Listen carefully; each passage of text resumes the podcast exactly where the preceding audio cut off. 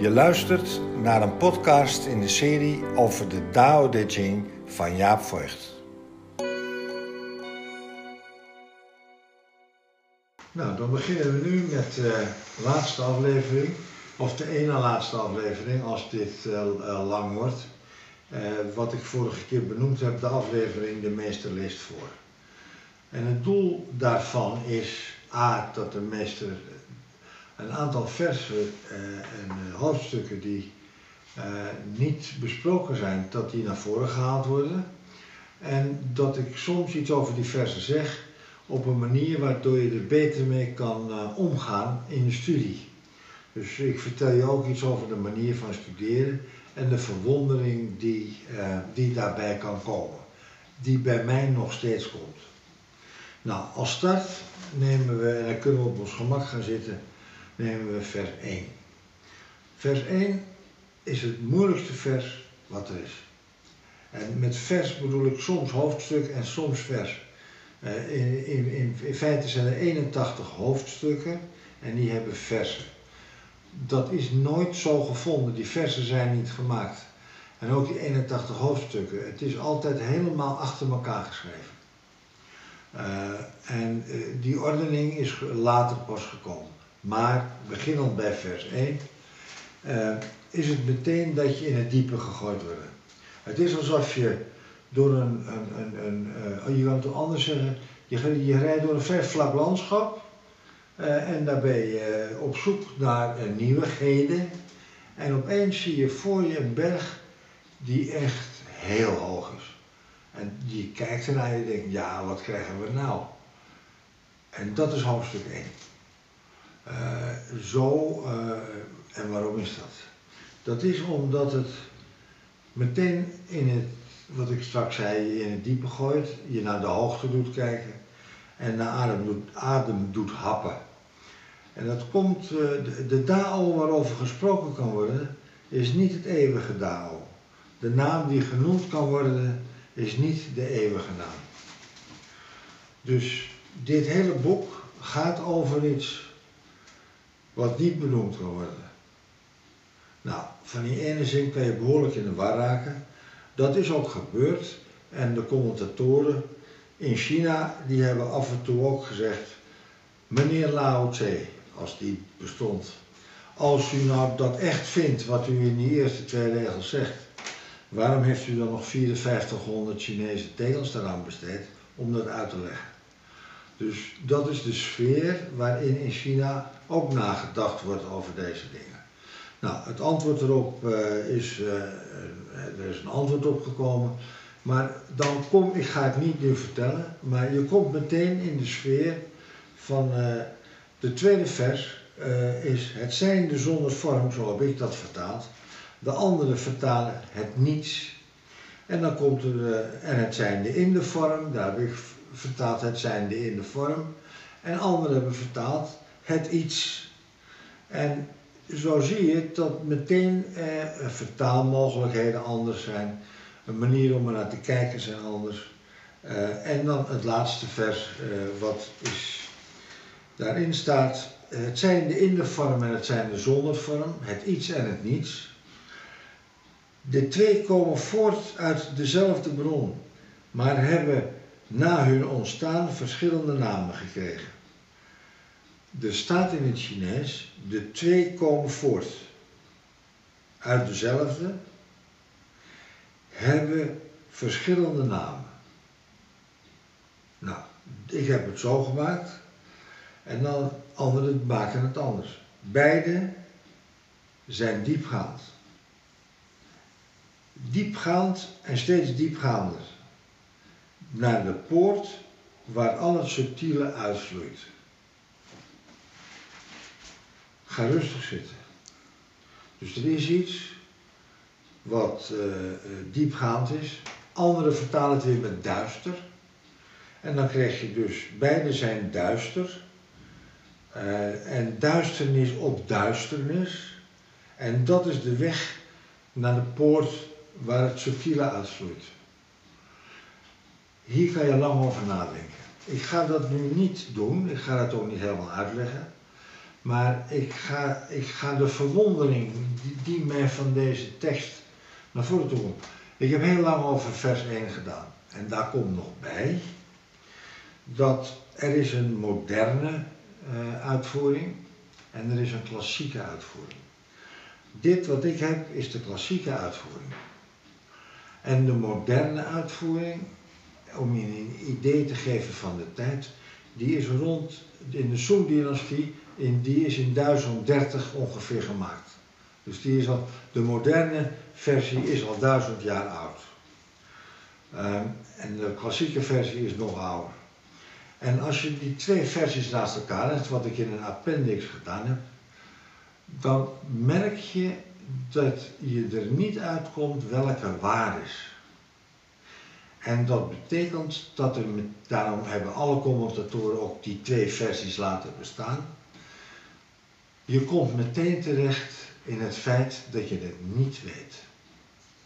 En dat je praat over iets wat onbenoembaar is en onbegrijpelijk. En toch wil je het erover hebben, omdat dat de oorsprong van het leven is. Omdat dat de bron is waaruit het voortkomt. Dat is waar het boek over gaat. En in het allereerste hoofdstuk zijn er meteen twee hoofdstukken. Klassiek en een moderne. En de commentatoren waar ik me bij voeg, die zeggen, lees die twee dingen nou en voel dat het steeds blijft schuren.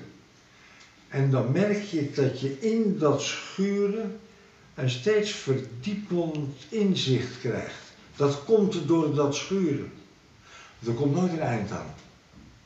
Het is dat schuurproces wat eigenlijk in heel veel teksten aan de orde is. Waarin is het waar, is het niet waar? Die vraag wordt niet beantwoord. Maar het schuurproces op zich brengt heel veel op. Het is goed om dit aan het eind te zeggen als je aan de Tao King wilt beginnen.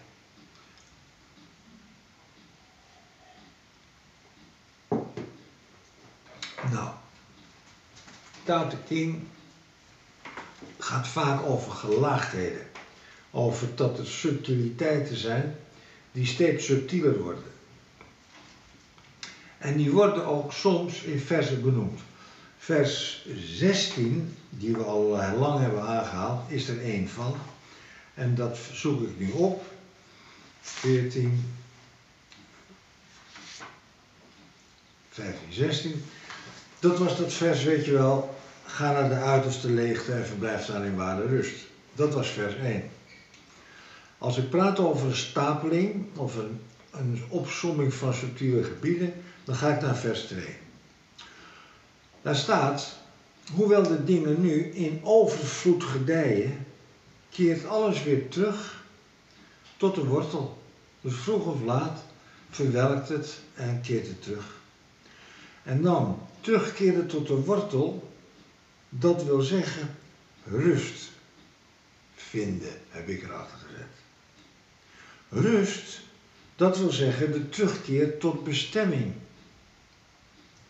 Dan moet je weten dat het woord voor bestemming, wij vinden de bestemming meestal in de toekomst liggen. Het Chinese teken voor bestemming, daar staat het, uh, ook het element nu in. Dus voor de Chinees is de bestemming vooral nu. Als je het zo leest, terugkeren tot de wortel, oké, je verwelkt, je terug tot de kaalheid in de winter, dat wil zeggen rust vinden. En dan rust vinden wil zeggen dat je een aardig idee krijgt over waar je nu bent. Dat is je bestemming. Terugkeer tot de bestemming, dat wil zeggen het eeuwige leren kennen. Hé, hey, als ik terugkeer tot de bestemming, tot het nu, en ik ben daar heel rustig in, dan voel ik dat er een verticale lijn komt. Dat is wat we meditatie noemen. En dan krijg ik een idee van het eeuwige, het tijdloze. Het eeuwige kennen wil zeggen verlicht zijn. Ik heb het woord ook nog als verlicht vertaald. Ik heb een hekel aan het woord omdat het zo uh, uh, verkwanseld is, tweedehands geworden is. Uh, ik zou nu vandaag zeggen gerealiseerd zijn. Dat is dat je al je mogelijkheden gerealiseerd hebt. Nou, je ziet hier dus terugkeren tot de wortel wil zeggen rust. Rust wil zeggen bestemming. Bestemming wil zeggen het eeuwige kennen.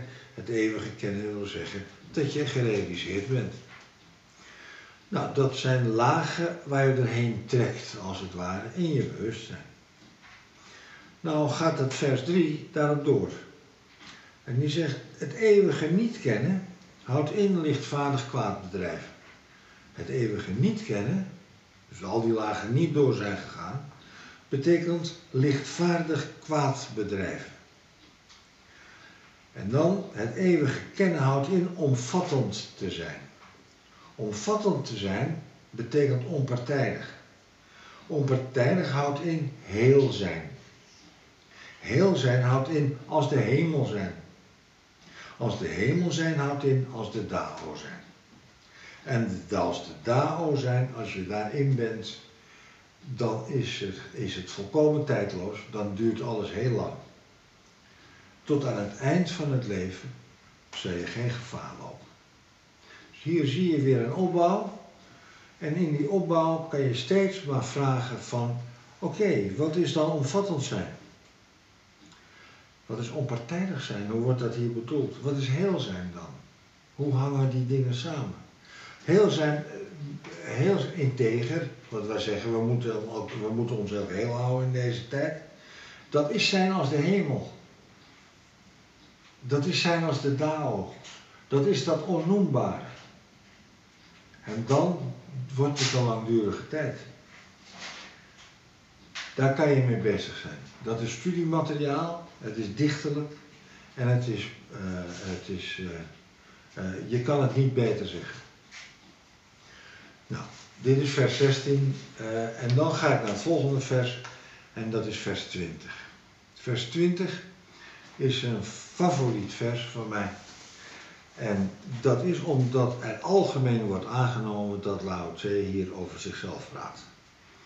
En dat hij eigenlijk zegt wat hij ervan vindt. Hoe het is om een wijze te zijn. En daarin uh, ziet hij dat mensen met elkaar praten en in China zeggen ze ja. En ze zeggen in China ja als ze bedoelen dat ze het gaan doen. En ze zeggen mm, mm, ja. En dan bedoelen ze in China dat ze het niet gaan doen. Want in China mag je nooit nee zeggen. Dus hij vat dat samen en hij zegt in zijn eerste vers: Hoe ver ligt een bondig ja en een traag ja uit elkaar? Dus hoe ver ligt, ja, wat zeggen ze nou eigenlijk? Hoe ver ligt goed en kwaad uit elkaar? Je kan het soms niet onderscheiden. En dan gaat hij verder in dat niet weten. En hij zegt, wat de mens vreest, dat kan niet niet gevreesd worden. Er is nu eenmaal onontgonnen gebied. Wildernis staat er ook. Daar komt geen einde aan. Dus als de mens niet meer vreest, dan is hij gewoon dom. Want er zijn veel dingen die wij niet weten en die te vrezen zijn. En die vrees die de mens heeft, gaat er niet om om die uit te bannen. En je kan vergeten dat je het definitief kan uitbannen. Wat de mens vreest, kan niet niet gevreesd worden. Er is nou eenmaal een wildernis, een onontgonnen gebied, daar komt geen einde aan. Je merkt dat je nu oog in oog met een wijze staat die je even vertelt waar hij zelf staat en hoe hij kijkt. En hij gaat verder en hij zegt tegen jou, iedereen is vrolijk. Alsof ze een feest aanrichten op een grote offerdag. Grote offerdag zijn altijd koekjes en is lekker te eten en is een feest. Maar die offerdag die is om te offeren en om met, uh, met de geesten, met de goede geesten in aanraking te komen. Of om de Dao te, te leren. Daar is die offerdag voor. Maar ja, je kan hem ook zien als dat er lekker eten en drinken is. Alsof ze op een uitkijktoren gaan klimmen. In de lente. Zo, zo vrolijk zijn ze. Ik alleen lig voor anker. Rustig dobberend. Ik heb nog geen teken gegeven dat ik er iets van vind. Ik ben nog geen, heb ik geen onderscheid gemaakt. als een pasgeboren baby die nog niet geglimlacht heeft. Als de baby glimlacht, dan is hij al begonnen om een onderscheid te maken. Ongebonden als iemand die geen plaats heeft om naartoe terug te keren. Moet je je voorstellen dat je zo bent. Dus dat is weer, je ligt rustig. Je hebt nog geen tekens gegeven, dat je, van, je hebt nog geen onderscheid gemaakt en je bent ongebonden. Daar zit weer een lage gelaagdheid in. dan gaat hij verder. Iedereen heeft meer dan genoeg, lijkt het.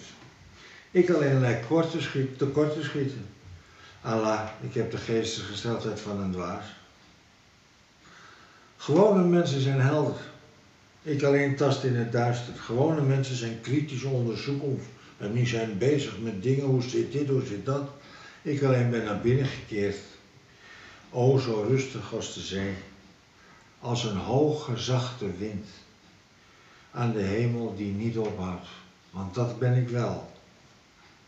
Nou, zo maakt hij onderscheid tussen zichzelf en de mens die hij om zich heen ziet.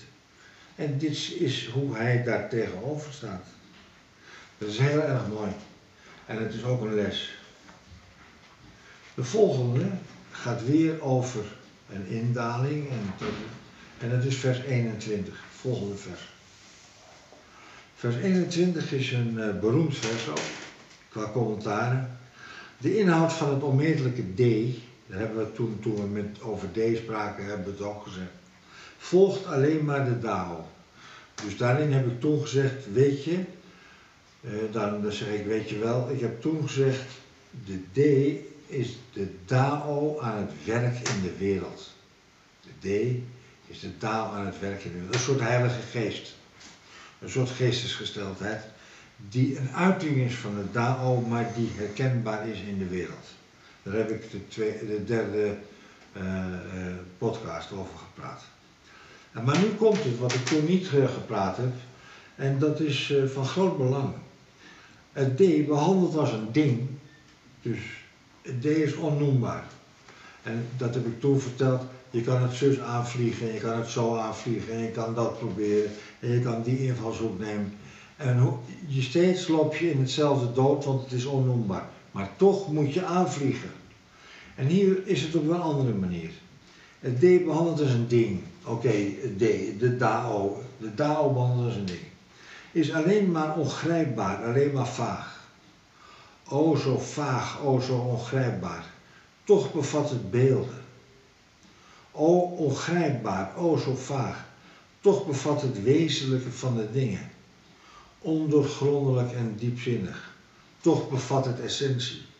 En deze essentie is zeer werkelijk. Ze bevat groeikracht. Nou, als je dit leest, ga je even stil zijn en ga er maar aan staan. Dus de taal behandelen een ding is vaag en ongrijpbaar. Nou, dat wisten we al. En dan zeggen ze er toch over. Ze zeggen er toch iets over de wijze Lao Tse zegt er toch iets over. En die zegt, je ziet beelden, je ziet het wezenlijke van de dingen, je ziet essentie en die essentie heeft groeikracht. Dan ben je nog steeds niet bezig met dat je iets ziet. Dat zijn allemaal nog subtiele gebieden uh, voordat het ingedaald is in een vorm. Nog een keer beelden, het wezenlijke, de essentie en groeikracht. En wat ik doe in een workshop, als ik dat deed, of nog steeds doe, dan zeg ik, laten we hierbij stilstaan. En laten we hierover praten wat jij en ik daarvan maken. En hoe dat uit elkaar komt. En dan kan mij, het is in vierde gedeelte dus. En het kan me eigenlijk niet schelen, want heel veel andere uh, mensen die die Tao King vertaald hebben, hebben hier andere vertalingen gemaakt. Hier is niemand uitgekomen. En dat betekent dat jij ook weer de eerste bent die eruit kan komen. Jij moet je eigen indeling maken. Maar ze geven aan dat er zijn beelden, er is iets wezenlijks, er is een essentie en er is een groeikracht. Wat maak je ervan? Dat is leuk. Dat vind ik leuk om over na te denken. Nou, dit is uh, hoe je met de Tao King omgaat. Ik ga nog een vers doen en dan uh, stoppen we voor uh, deze keer.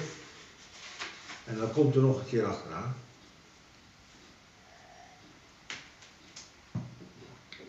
En dat is vers 24. En vers 24 is een grappig vers. Wie op zijn tenen loopt, is niet geaard. Wie met grote passen voortschrijdt, kan niet gewoon zijn en gewoon lopen. Wie alleen zichzelf ziet, is niet helder. Wie zichzelf centraal stelt, is eigenlijk niet aanwezig. Wie, zich, wie, wie zelf aanvalt, wie aanvalt, als je zelf aanvalt, ben je niet verdienstelijk. Wie zichzelf op de borst slaat, blijft niet lang. Wie vanuit de Dao leeft, noemt dit etense resten en overbodige vormen, zoals gezwellen. Deze manier van doen. Die zelfs in de materiële wereld verafschuwd worden. Eigenlijk ook als je gewoon kijkt in de wereld, niet eens in de subtiele wereld, maar in de materiële wereld. Die op zijn tenen loopt. En maar steeds op zijn niet geaard. Wie grote passen maakt, ja, moet je mij eens kijken. Niet goed. Zelfs in de materiële wereld wordt dat verafschuwd. Daarom laat iemand die vanuit de Dao leeft zich daar niet mee in. Hoeveel keren zie jij dit om je heen, het op je tenen lopen, te grote passen, dat iemand alleen zichzelf ziet, dat iemand alleen zichzelf centraal stelt, dat er mensen aanvallen en zichzelf door borst slaat. Als je dit boek bestudeert en je wilt daar je leven van maken, uh, bemoei je daar verder niet mee en laat dat. Dat is wat je kan leren uit, uit dit boek. Dan stop ik even. Dit is de eerste helft, want er komt nog eentje achteraan. Ook de meester leest voor. Want nu heb ik hoofdstuk 1, dat is de eerste 38, eerste 37 hoofdstuk heb ik gedaan. En ik begin de volgende eh, podcast met hoofdstuk 38. Bedankt voor het luisteren deze keer.